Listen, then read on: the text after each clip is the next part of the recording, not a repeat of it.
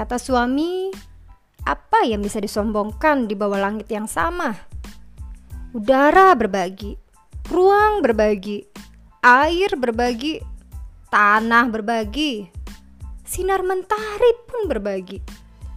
Pemikiran saja berbagi denganmu, dengan mereka, dengan dia, dia, dia, dan dia.